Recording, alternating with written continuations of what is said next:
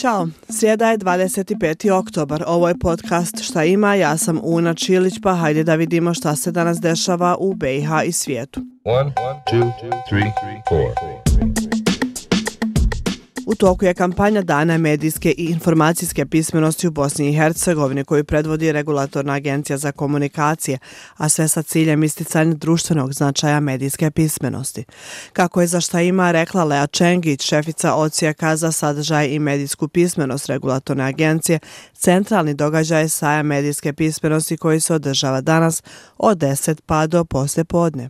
Pozivamo sve građane da nas se pridruže, imamo različite radionice, predavanja, prezentacije, imamo standove sa materijalima institucija i organizacija na temu medijske informacijske pismenosti. Dođite da se družimo, da razgovaramo, da naučimo nešto novo kako bismo lakše i ugodnije živjeli jel, u ovoj svakodnevnici koja je apsolutno dominirana, da kažem, strani tehnologije i medija.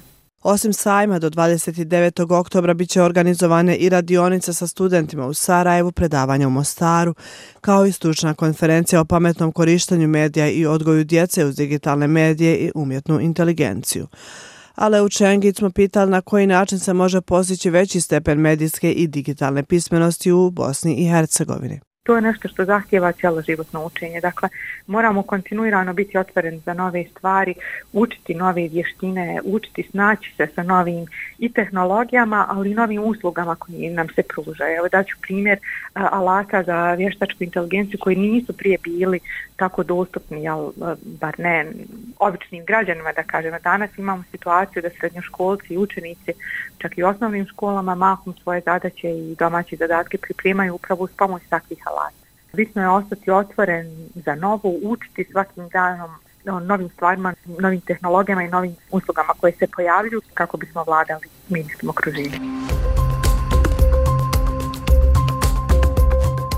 U Novom Travniku kantonalni sud uz podršku Centra za ženska prava Zenica organizuje okrugli sto za sve institucije u sistemu zaštite na kojem će se razgovarati o femicidu, ali i preprekama i propustima koji postoje u zakonodavstvu. Biće predstavljen i novi pomagački resurs centra, mreža 4P, a o čemu se tačno radi objasnila nam je Meliha Sendić. Mreža 4P je mreža specializirano obučenih pomagačica iz cijele Bosne i Hercegovine koje su prva ruka podrška e, ženama koje su preživjele ili koje su u riziku od e, nasilja u porodci imamo preko 60 pomagačica e, u lokalnim zajednicama e, koje e, ženama pomognu da prilikom odlaska u instituciju, bilo koju instituciju lanci tema zaštite, pomognu da na što jednostavniji, lakši, i efikasniji način ostvare svoja prava. Ako ne znate gdje prijaviti nasilje, sve informacije možete pronaći i kod nas u rubrici Ženske sjenke, u kojoj govorimo o rodno zasnovanom nasilju.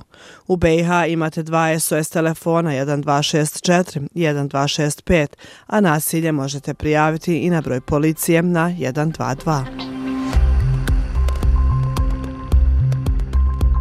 Povodom Međunarodnog dana opere na sceni Narodnog pozorišta Sarajevo sa početkom u 19.30 bit će održan koncert Mlade nade opere uz pratnju Sarajevske filharmonije. Opera je postala popularna širom Evrope tokom barokne ere, te se počela širiti od 1600. godine. A opera Narodnog pozorišta osnovana je 1946. i predstavlja značajnu vrijednost za kulturnu historiju i razvoj muzičke kulture, kako u Sarajevu, tako i u Bosni i Hercegovini. I još par kratkih informacija. U Sarajevu vanredna sjednica predstavničkog doma Parlamenta Federacije BiH. U Mostaru se danas i sutra održava međunarodna konferencija o visokom obrazovanju i istraživanju, a u Sarajevu sajam stipendija u zgadi rektorata univerziteta. One, two, three, to je ukratko od mene za danas. Sretan ostatak dana. Čujemo se sutra. Ćao.